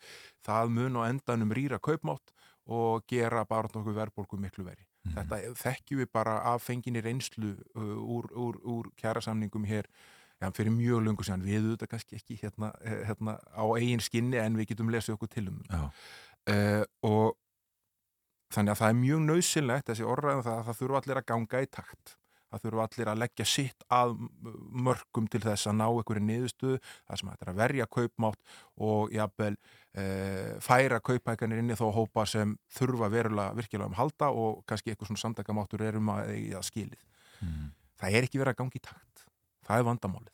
Uh, aftur og aftur eru að sjá það að það eru hópar sem eru hluti af svona efralægin í samfélaginu, forstjórar í skráð, fyrirtækjum, auðvitað sko, svo argreislur og, og, og bæbaks eða endurkaup á brefum í hæstu hæðum úr, úr, úr hlutafélögum, sjáum fjármakstekjur í fyrra sko, uh, ja, bara í methæðum, ráðstöðuna fyrir efstu tíundunar hækkar langt umfram aðrar tíundir, uh, sjáum kaup hækkanir sko, stjórnmálamanna sem eru bundnar við, við vísitölu og eru langt um frá það sem kaupmáttur annara e, e, kauphækkanir sem aðrir hópar er að fá sama með embættismenn innan stjórnkerfisins e, hátsettus embættismenn eins og sælabankastjóra, dómara og fleiri.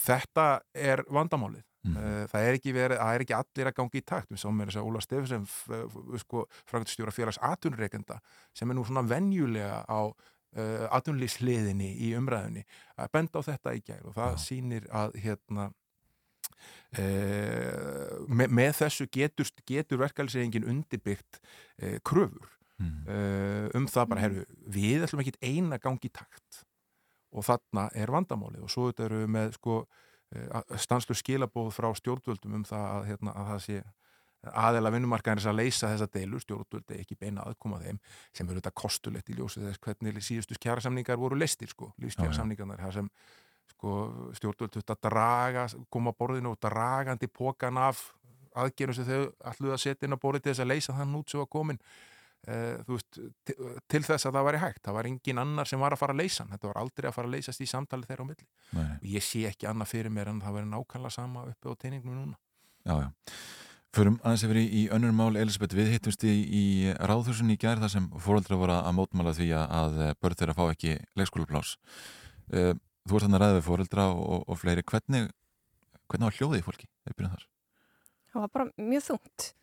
Þetta er náttúrulega bara í rauninni gríðalega alvarlegt mál og þegar maður rætti við þessu fóreldra á kostmanæði hvað þetta í rauninni hefur rosalega áhrifin sáum hérna koni í fullum skrúða í, í hjúkurunar landsbytala gallanum og hún kemst ekki vinnuna það meði nóg á landsbytalanum nú þegar e, fólk er að reyna einhvern veginn að púsla bara hlutunum frá degi til dags annar, annar fóreldur þarf að vera heima mm. það er hérna einn sem á þryggja ára barntæplega og hún er hérna bara púkuð fyrir dagforeldri og barnapíum og þetta er bara rosalegt búslispil og það var eiginlega svolítið magna að sjá þegar að borgarfjöldráður löpuðu síðan inn í ráðhúsið hvernig foreldra bara gengu á þig og, og kráist lausna. Og maður heyrði það foreldrum að þeir eru komið með algjörlega nóga því að heyra einhverja skýringar fyrir vandanum borgarfjöldra að byrja að tellja upp að það þurfti að afla gagna og hér er þetta að kanna máli það nú mikla í þessum skóla og svo var COVID og það er mennunandi hér. Fóröldrar koma algjörlega nóg þess og vilja bara sjá lausnir. Og hérna Það er líka bóðið svolítið upp á það í kostingabaraturinn núni í vor. Algjörlega og það var náttúrulega, ég meina eins og Safélgindil með, sem hún talaði um 12 mánu börnin á leikskóla í haust og, og það var svona það sem sarði fólk og fólk fannst að vera álpartin bara sveiki, Þetta, við rættum þarna við, konu Kristinu Tómasdóttir sem stóð fyrir móbálunum, þetta er hennar fjóraða barn alltaf sama vesenið og jafnvel meira vesen núna sagðan en verið hefur uh, Borgarstjóri segir hér á, á, á fórsviði fréttablasins að hann vonist til að geta veitt sögur eftir viku hvers vegna breytist ekkit, Þórir? Ég held að uh, þetta sé sko, meðal annars er vandin sko, alveg arfaslug væntingastjórnun út af því að eins og maður minnst á hérna á hann stjórnmáluflokkar og sérstaklega þeir sem hafa verið uh, að ráða ríkjum í Reykjavík ekki lengri tíma hafa verið að uh, ekki bara svona að gefa til kynna heldur bara stundum segja það beint út að, að, hérna, að börn á okkunum aldrei muni fá plás já, já. og þá er gett nú tilkynninga frá Reykjavíkuborg um það í vor í aðranda kostninga að, svo, að þannig væri málum hátta og þetta þú veist er, er kunnulegt fyrir hverja einustu kostningar vegna þess að þetta er alltaf vandamál og ástæðan fyrir þetta vandamál er meðal annars að það er greiðalur húsnæðis og mönnuna vandi í þessu kerfi. Það er erfitt og sérstaklega núna þegar atvinnustíð er að hækka mjög hratt að fá og að manna alla pósta í þessu.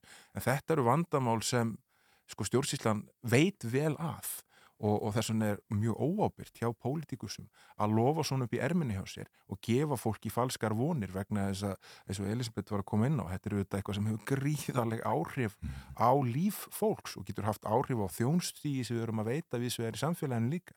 Það þekkit allir sem hafa átt börn að hérna svona e, stressi sem fylgir því að, hérna, að, að- að vinna í leikskólalottóinu skilur að hérna, eignast börn á réttum tíma það skiptir máli sko, hvenar þau fæðast á árinu til þess að þau passi kannski inn í ykkur hólf það sem er líklega fyrir þau að fá plása á leikskóla og, og fólk er komið í alls konar skrítnar æfingar til þess að, hérna, að reyna að koma krökkunum sinni skrási, jafnvel í nám til þess að koma með hann á námsmannaleikskólan á þegar þar e, færðu forgang og svo framvegis e, og maður skilur þetta allt saman út af því að hérna, þetta er bara, getur sett líf fólks á byðstuðu Mm. Eh, en mér finnst aðalváli og það alvarlegasta að hérna, þegar eh, stjórnmálamenn stundum tala gegn betri vitund segja að eitthvað sé uh, að fara að gerast þegar það er svona augljóst af flestum póstum að, að, að, að það er ekki raunhæft Já, Albína Hulda Pálsdóttir stjórnangona samtaka fóröldra leikskólabannan sagði speiklinum gær til að mynda að þetta væri löngu fyrir sig því að þetta væri stór árgangur að koma núna og, og annars líkt að væri ekki til pláss fyrir þetta en samt að tala svona í menn, þetta liggur fyrir þessi og við liggur fyrir lengi. Nei, Mm. þessi árganga pælingi minna, við Já. höfum svona séð þegar, þegar, þegar kreppur skell á Mhm. eh, og hérna, eh, já, sjálfur eh, svona gammalt kreppubatt fætt 2009 eftir, hérna, eftir bankarhunni og það er að sama, mjög stór árgangu það verist vera svona, hérna, að þegar eh, það gerist eitthvað svona stórt þá, hérna, þá koma stærri árgangar og það er sama að gera með kannski svona COVID Mm. kreppu árgangana Já, já. Við farum okkur aðeins yfir á léttari nótur hérna rétt í lokin og, og spyrjum eins og við gerum oft hér í, í fréttum vikunar hvað ætla að gera um helgina, Elisabeth? Já, ég er í fríi. Já, ég er nú ekki með einn plön, alltaf maður tekja ekki bara rólega. Það vinnur törn. Þú ætlar ekki upp á gósi? Ég hugsi fyrir ekki upp á gósi. Nei. Ég er ekki búin að fara. Nei, en ég fór nokkuð oft í síðasta gósi. Já, já, akkurat. Þannig. Þetta er, þetta er svolítið svona eins og við íslendinga núna ef maður er búin að sjá þetta Þetta Já, er svona maður finnur, ég veit það, maður finnur svolítið, það er ekki sami spenningur og var í síðasta gósi. Maður finnur alveg bara einhvern veginn áhrifi og fleira, sko. Já, já, akkurat. Hvað segir þú, Þórir? Hvað ætlar að, að bralla? Eh, ég ætla nú bara að gera mest lítið, bara að vera heima hjá mér og eða tíma með fjölskyldunni, kannski fara út að hlaupa annan daginn. Já. En ég ætla svona kannski að vera þetta eldgósin þá hérna, uh, út af við vorum að tala um vendingastjórninu ná, það er búið að selja mér einhvern veginn þá hugmynd, að undir meðutunum með þá hugmynd að hér sé ég vera að að gjósa mér og minna á nýjum stöðum annarkvæmt mánu næstu 200-300 árin sko. Já, já. þannig að maður þarf kannski að hérna, að ve velja verkefnin sem maður alltaf ráðast í þegar það var rölt upp á þessum er hún að fara og sjá magnað gós á þessum stað Já. ég held að hérna, ég býði bara eftir heklu eða köllu Eitthvað aðeins stærra. til ég fari næsta leið Þetta horta á þetta bara út um bíl, bílrúðuna Ægilega hannig Já, einmitt, þetta er gott. Þórir Snær Júliusson, Ríðstjóri Kjarnans og Elisabeth Inga Sigurðardóttir, fréttakon á stöðu 2 Bilgin og, og Vísi. Takk fyrir að kíkja til okkar í, í fréttir vikunar hér í morgun útvarpinu. Takk fyrir.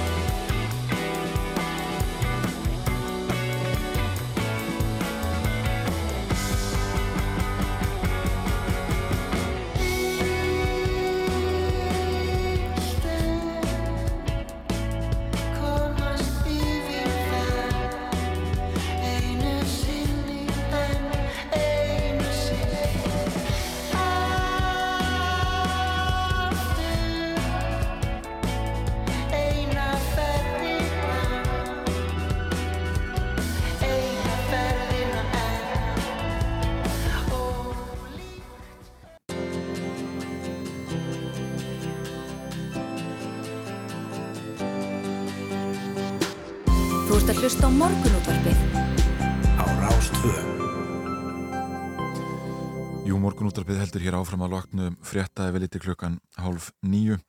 En ístjórn fréttablasins hefur hafnað kröfu rúsneska sendiráðsins um afsökunarbeðni vegna myndbyrtingar af fótum tróðunum rúsneskum fána og þá hefur net áráð sem gerðar á VF blaðsins í gæri verið kært til lauruglu. Og Sigmundur Ernir Rúnarsson, reitstjóri fréttablasins, er hinga komin, góðan daginn. Góðan dag. Við förum að segja atbyrður ásina hvernig allt gerist hér. Sko þið takkið viðtalið Val Gunnarsson Já. sem hefur verið í, í kænugarði og, og víðar Einmitt. núna e, í Úkrænu. E, hvað gerir síðan? Sko Valur uh, lýsir bara aðstæðum í kennugarði og uh, víðar í Ukrænu og við veitum allt um ástandi á þeim víkstöðum og til marksum tilfinningahittan í því máli þá sendur hann okkur mynd af fótum tróðnum rúsneskum fána sem uh, hann sá á einhverju ferðarskristofu. Og þessi mynd náttúrulega sýnir, hún fangar reyðina og uh, okkur fjölmjölum ber að endur spegla hvað er að gerast í heiminum, bæði hér heima og Erlendis og uh, við höfum oft sinnis uh, þúsundum skipta sínt myndir af brennandi fánum rispuðum fánum fánum sem hafa verið aðtæðir blóði og olíu og óþreifnaði skortnir og svo framvegis þetta gerist jafnan í, í stríðum fánin er oft andlag uh, þessa stríð sem háðir um allar jarðir og uh, þetta gerist og það komir satt að segja mjög og óvart að uh, rússar hefði uppi mótmáli vegna þessa þetta er ein, einfallega eitt partur af stríði Mhm. og kannski ekki sá sárasti, langt í frá Mm. þetta eru döðsföllin og, og basmorðin þar langsamlega vest og uh, eignatjónið allt saman. Já. en um, enga síður við fáum strax þarna um morgunin eftir að blæði kemur út hótun um það að uh, það verið ráðist á okkur. Ef við beðnist ekki ofinberar afsökunar ég misti okkar blæðið annar staðar. Og um, það er einfallega sagt í þessum rítstjórnapósti sem okkur best að að vefurinn verði lagður einfallega niður klukkan 12 að Moskvutíma í gerkvöld klukkan 9 að íslensku tíma. Það gekk ekki eftir en í millitíðin eftir við fengum þennan hatuspost uh, þá kom, komið til okkar tveir starfsmenn rúsneska sendiræðsins uh, og uh, bankuð upp á og aðfendu okkur bref stíla á mig þar sem kom fram þessi opinbera krafa af hálfu sendiráðsins að við bæðumst opinberlega afsökunar á þessari myndbyrtingu og vitnuðu þar til íslenska lagagreina. Uh, það er ekki við, það var ekki við sem vorum að tróða á fánanum. Uh, Það voru úkrænmenn sem voru að tróða á fánanum. Við vorum að sína mynda því. Uh, Þannig að það er sjálfs ekki við, ekki fréttablaðið, ekki Íslendingar sem voru að vanverða fánan með þessum hætti, heldur einfallega að sína þær tilfinningar sem eru í gangi út í heimi, gagvart rússum og er bara eðlilega fréttamennska. Uh, við afriðum að svara þessu brífi, fórum með bríf í okkar til uh, rúsneska sendiróðsins síðdegis, þar sem við einfallega höfnuðum þessu kröfum Já. og sögðum að það gildu önnur lögmál í frjálsi fjölmjölun á Íslandi heldur en greinilega gerðist og gengi í Rúslandi. Já. Og þeir, þeir getur ekki komið með sín gildi inn í gestalandið sem þeir byggju núna í umstundarsækir og uh, þetta mun ganga eftir. Við munum ekki, ekki breyta okkar skoðan. Sá frettavaktinni hjá okkur í gæra myndefni frá þessum fundi ykkar uh, virtist þeirra svona nokkuð á svona kurtisum nótum. Já, já, þarna kom blaðafulltrúi sendir á þess út til okkar eftir smá jafnlegam og föður og, og tók við brefinu og, og hvað koma því í réttan hendur. Og um, en mér finnst sjálfsagt mál að svara þessu brefi rúsana sem vissulega kemur á óvart og ég tek eftir því að Þórti Skólbrún Reykjörg Giljóttur útverkisáður svarar af, af uh, hérna, af kallmennsku ef svo má segja í blæðin okkar í dag og undrast uh, það hvað uh, þetta fer í töðunar á rúsum Já, já, nákvæmlega að tala hérna um að, að, að fylgist meiri vanvering við rúsneska fánan í þeim rillilega og ómannskjölu glæpum sem framtir eru vísvitandi á stjórnvöldum Rúsland sem þessa myndir. Þetta er bara hárið tjóni. En, eh, en sko, þ- sendiráð Rúslands á Íslandi nefni það allavega í sinni Facebook-fæslu Mm. og, vantalega í sinu brefi að þetta stangist við íslensku lög að, að, að byrta að þ- þessi myndbyrting Mhm. mm að hún standi, stangist á við lög um, er það eitthvað mata að að svo séu að breyta þurfi þá íslenskum lögum? Ég er algjörlega á því og það eru margir innan þings og utan sem eru á því að þetta sé uh, löngu úrrelt lagagrein. Uh, fánarnir hafa verið notaðir þjóðfannar margar landa í mótmælaðgjörðum um ára tuga skeið og uh, gerist nánast upp á hvern einasta dag að, að bránar, fánar eru brendir uh, vegna þess tilfinningahætta sem, sem ríkir undir niðri. Og við sjáum þetta í fréttum nánast daglega af ísælskum fána, bandarískum fána rúsneskum fánum og svo framvegis.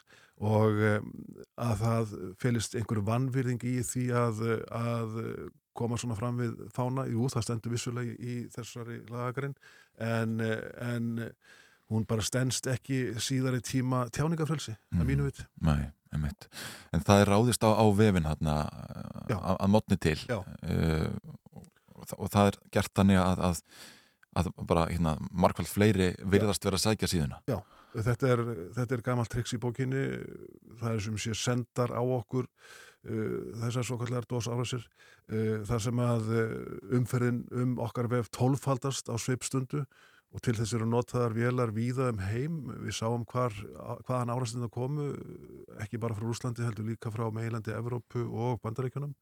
Þannig að þeir hafa aðgang, þessir hakkarar, að ímsum uh, vélum til þess að, beina þessum árásum sínum frá og að okkur í þessu tilviki.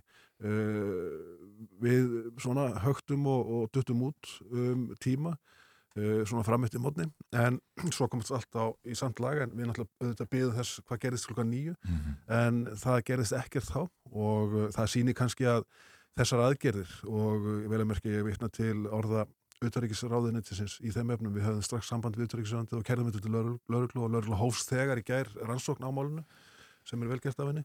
En við höfðum þau orð frá utaríkisráðunnitinu að sko árásir af þessu tægi væri fyrst og fremst gerða til að skapa óta og óþægindi. Og uh, auðvitað getur þetta, getur þetta orðið mikil óþægindi þess vegna brúðist við og tókum til að varna strax í gær að uh, það er þetta stela gögnum, halda gögnum hjá sér mjög mikilvægum gögnum uh, svo sem eins og í okkar tilviki það má taka til dæmis allt ljósmyndakerfið og, og, og hyrða það og stela því og, og krefist lausnagjalds og þannig haga margir hakkarar sér eru í þessu peningana vegna og, og svona er taka, taka þjónustu kerfi heilu stofnana og fyrirtækjana í gíslingu og krefjast lausnagjalds. Uh, þetta getur skapað mjög mikinn vanda og, og auðvitað náttúrulega er líka þetta að ráðast á heila, heila tölvukerfið og uh, lama þannig til dæmis útgáfu fréttablasins Já, já. uh, ekki bara vefinn þannig að uh, það getur hlotist af þessu mikill skaði bæði tímabundin og til langs framar Veist menn eh, ekki skrítið að þetta eh, komið hérna mótmanna frá sendiráðun á Íslandi út af þessari mynd í íslensku dagblæði mm. og síðan er tölvi ára utan á heimi strax í kjölfarið, Jú, jú. tengslinn þar á milli. Einmitt, rúsneska sendiráðið uh, þvertíku fyrir að það hafi einhver liti staði fyrir þessu en, en þetta er merkileg tilvílun og uh, auðvitað vitum við að það er mikil þjóðurnisleg heift í Rúslandi, gagvart bæði úkrænumönnum og vesturlöndum sem eru auðvitað að sniðganga vörur og þjónustu frá Rúslandi í mm, þeim mæli sem hefur ekki þekst áður. Uh, en þessi heift getur náttúrulega byrst með ýmsum hætti en uh, það vekur alveg sérstaka aðtigli að rússar hafi fyrir því að senda þetta hótunabrjöf að íslenskur fjölmiðl eigi að byggast afsökunar, ofinberðar afsökunar á því að byrta mynd úr stríði í Evrópu. Þetta er með algjörum ólíkindum og ég er nú búin að vera lengi í blaðamennsku og man ekki eftir öðru tilviki af þessu stæði. Þetta sé lýsandi fyrir það hvernig, hvernig rúsnesk stjórnvöld haga sér gagvart fjölmjölum við sjáum að þeir eru að henda ég meina blaðamanni danska ríkis út af sinns úr landi og, og, og fleirum. Mm. þeir ganga langt í að hefta fjölmjölfrelsi og þetta minnir okkur á að, að við erum ekki eiland í þessum efnum. Þeir haga sér með þeim hætti að þeir geti farið um Evrópu með yfirgangi og frekju og uh, ætlist til þess að, að aðrar þjóðir, frjálsar þjóðir fari að þeirra gildum. Það viljum við ekki, það viljum við alls ekki. Það viljum við að síðasta sem ger, gerist fyrir okkur að, að við uh, höldum upp í einhverjum einræðist tilburðum með þessum hætti þar sem frekju gangurinn allar að taka úr manni allt vitt hafið búið ykkur undir aðra árás? Já, við höfum svona fundabæði með netverkis uh, hérna, yfirvöldum og uh, okkar náttúrulega hérna, teknifólki og, og uh, þeim sem hýsa vefin okkar og, og við erum við öllu búin. Já. Hvað tekur núna við? Lauruglan er að rannsaka málið? Já, og uh, reynir að komast að því hvaðan þessi árás kemur og eftir vil endur tekin árás en, en svo sjáum við bara hvað setur en þetta náttúrulega herðir okkur frekar en, frekar en veikir og uh, ég bara endur tek að, að, að, að þetta þarf að verða okkur til þess að, að, að íslenski fjölmjöli síni samstöða og ég var, tók sérstaklega eftir því að og svo var í ger, þá tóku eiginlega allir, held ég bara allir fjölmjölar þetta mál upp Já. og síndu samstöðu, margir byrtu myndina og uh, blaðmannafélagið tók þetta óstund upp og svo mjög þessi utverkisræðandið og uh, netverkis yfirvöld sem fóru strax í málið þannig að við þurfum að taka svona hluti alvarlega. Íslendingar erlendis, þeir var það vantala að vara við það, þeir komast ekki inn á síðan, er það Jú, ekki svo lislokað? Jú, við þurftum að loka fyrir erlendu umferð og, og menn taka eftir því þegar þeir farin á fréttablaði.is að, að það virtist ákveðin öryggi síða fyrst að Mm. menn komast inn og, og, og þetta líður í því að, að verjast svona. En það er verið að ráðast á íslenska fjölmiðlun. Mm. Það er ekki bara að ráðast á fréttablaði, það er að ráðast á íslenska fjölmiðlun. Þetta er ágætt loka árið Sigmundur Ernir Rúnarsson Rítsveri Frettablasins. Takk fyrir að vakna með okkur hérna í morgunúttarpinu. Takk fyrir mig.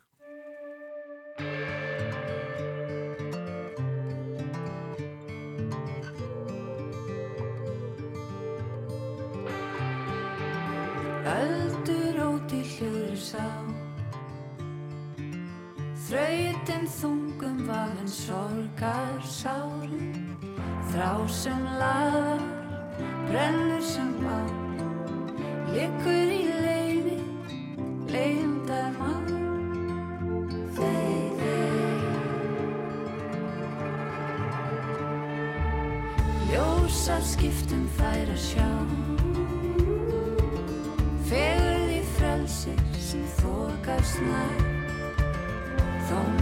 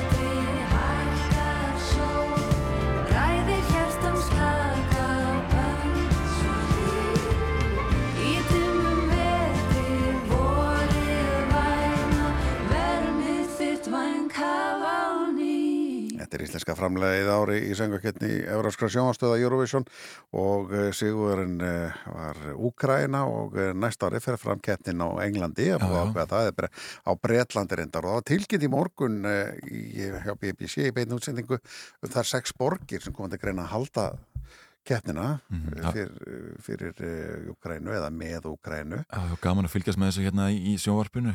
Já, Eru búin að vera með beinar útsendingar frá svona mögulegum borgum í alla morgun og Já. mjög fyrirferða mikið í, morguþættinum núna. heldur betur og uh, það er líka skemmtilegt að segja frá því að, að, að því að við munum svona, ef maður hugsa tilbaka hvenna var þetta nú síðast á Englandi þá mann maður eftir sko þegar að Waterloo vann Abba unni Já, með Waterloo og Brighton en uh, kom fram eitt í morgun að uh, breytar er búin að halda þess að ketni sexinu Já. og uh, það er ekki eins og maður hristi það fram á ermina að muna, muna hvernig það var Nei. en borginnar eh, sex sem að uh, komið til greina núna og er komin í svona loka uh, hvað riðil eða hvað getur sagt Já. þetta eða svona þegar það þarf að velja milli þessara borga er Glasgow í Skotlandi Leeds, Liverpool, Manchester uh, Newcastle og Sheffield Brighton hann að hverki Já, þetta, þetta er mjög áhugavert. og- og Þetta er svolítið Norður England Já, Eurovision í Newcastle. Það er, hérna, það er ekki endla það sem að bjóst við.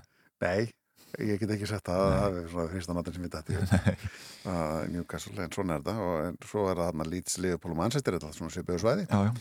Já, já, já, já. En við ætlum að eh, snúkur öðru og e, núna í sumar e, náði að platan Ólaboka Heiðarsson e, til mín svona fössutum til að eh, spjalla bara svona um, um það sem á að gera um helgina og matarmenningu íslendinga og, og svona bara það sem er um að vera hjá, hjá fólki e, hitt og þetta Ólaboki Mættur e, velkomin Já, takk kærlega fyrir. e, Sko, við vitum það að við erum báðið miklu matmenn og við höfum gaman að fara út að borða á fína stæði Mhm. og þú, þú ert svolítið með það í bókvæðinu núna hvað, hérna hvað, hvert er fólk að fara núna? Já, sko, ég er náttúrulega bara að elska að tala um mat Já. og borða mat, eins og segir. Já. Og ég hef svona verið að reyna og bara fylgist mjög vel með því Já. og það er alveg eftirtekt að verða þarna þessar mathallir, það verðist vera svona um allt. nýjasta æðið Já, já. Og það er náttúrulega því líku metnaður í mönnum sem er náttúrulega bara frábær svo við eigum náttúrulega endalust og svo ég held hún áfram að rósa bara matarmenningu og, og kokkum og bara fólki hérna á Íslandi. Já. ég myndi segja svona ef að fólk er líka að ferðast um heimin og svona það er alveg ótrúlegt sko hvað við bara gerum góða mat. Já, mikið svona gæði og náttúrulega frábært tráefni. Já, það, þetta er þetta er tekið skref upp á við síðustu ára dugina, myndi ég að segja. Já. og ég sá einmitt hann í vikunni að hann hérna, þegar á dill er að fara núna að vera með pop-up í tífólínu í Köpen Já. í ágúst Já, já. þeir eru líka að opna dill by North á Akureyri Já, þeir ætla að prófa það Já. dreifa svona svolítið svona geðanum er svona lega fólki að smaka Já. og síðan núna um helgina er að opna nýmatöll á Hafnatorgi Já. Sem er mjög spennandi Já. og mér langar svolítið svona aðeins að fara Já, í síðustu ykkur tölum við um í, sko, í Já, í Grósku, og nú erum við eh, í Hafnandorki og svo eru tvær til viðbótur í miðborginu opna og, Já. og þetta ætlar að vera ykkur tíma uh, maður lappar milli hérna Já. svona matalum þetta er- fer að vera svolítið svona eins og hérna, þegar maður er í New York þeir segja sko að maður gæti borða sko á nýjum stað 365 daga á ári Já. Þannig að ég veit nú ekki alveg hvort við erum að fara að þanga það er allavega rosa mikið úrval og fjölbreytni Já, og já. frábæri staðir Hver er að opna þannig Hafnandorki? Sko, það eru sem sagt hérna, það er Akur sem ég talaði nú um fyrir nokkru vikum Já. hann er svolítið svona sér á báti og er svona svolítið útaf fyrir sig en svona í höllinni þá er hérna Veitu, er þetta þá það sem að Akur er núna? Það er opnuð þarna í Já, þeir snúa svona út á sjóin en Já, þetta er svona já. meira hérna milli við hliðin á Norface og 66 og þar. Já, já, já, já, ok. Og þar eru sérst staðir sem heita hérna, það er Black Dragon sem er svona blanda franskri og asískri matagerð. Svo erum við með staðina sem heitir Brand það er vínbar og svona systurstaður Bál sem er mjög góður hérna á Borg 29 Já, og það er svona íslenskt grill þema þar. Einmitt. mjög spennandi. Já. og síðan er hérna Neo. Það er sérst strákanir í Flatey með pizzur. Já, já, já. og svo er Kua Lua. Það eru svona ferskar poke skálar svona Hawaii inspiration. Við erum að sjá svolítið eh, eitthvað sem við höfum ekki séð áður. Já. Það er skemmtilegt. Það er líka sem ég segi, þú veist, fólk veist, það er bara verið að fylgjast með og, og svona koma með einhverja nýjungar sem er náttúrulega bara frábært það er náttúrulega bara svona meiri fjölbreytni. Og síðan er eitthvað staður sem heitir Fugo sem er svona Mexicans Taco. Já, já. Og síðan er ég rosalega spenntu fyrir einum sem heitir Senato Trattoria því að ég elska ítalskan mat. Já. og var nú að ferðast um Ítalíu í þrjár vikur í sumar. Og það er svona, veist, ég held að hann fá svona mesta plássi og það er kannski nýjungin er þar að þú getur farið svona í svona þryggjarétta dinner í raunni það, það er svona, það sem þeir eru kannski að reyna að gera er svona þetta er svona, kannski svona fitni staður inn á matöll Já, já, já, já. já, já. sem er svona smá nýtt Matöldin er að vera svolítið fæn dæning svona með þú sittir á einhverjum bekk bara á borðið með kannski fullt og öðru fólki sem þekkir ekki neitt en þá er maturinn einmitt svona, svona fellur undir uh, svona fitni Já, einmitt. En er þetta sko, þetta er svo marga mathallir og að standa framkvæmdir yfir við gerð nokkur annara, heldur þetta sé komið til að vera eða er þetta, er þetta tískubíkja? Já, ég ætla, ég er nú alltaf svo bjarsinn og peppaður í allt svona, sérstaklega sem kemur á mat, þannig að ég verð alltaf rosalega svona ánæður og gladur og auðvitað náttúrulega bara vona maður það besta. Og ég held að þetta sé komið til þess að vera sko, mér finnst þetta, þetta er komið allar borgir sem maður fer í skömmlum kirkjum, það voru að nota eðnar húsnæði Já. Einmitt, í Berlín einmitt er, er einhver gamalt einmitt svona einaðarósnæði svaka matöld þar á samt einhverjum verslunum og öðru slíku að þetta virðist vera svona að, að vinsældi í, í viða, viða um heim en ég tek eftir í, jújú, jú, miðborgin er full af, af útlendingum að, Mhm. að skoða landu okkar en uh, allir staðir sem er óttinn dag þetta er að þetta er allt og rosa mikið þessu ennst heiti Mm. Já. Já. Já, erum bara ég- hægt að nefna staðina í íslensku nöfnum ofta tíð Já, ég, ég er sammála því en inn á milli er svona eitt og eitt svona spennandi eins og ég tala um hérna með ske. Já. og náttúrulega af þessum stöðum er nú ekki kannski mörg, þú veist, kúa, lúa ég menna, ég veit nú ekki hvort það er íslenskt.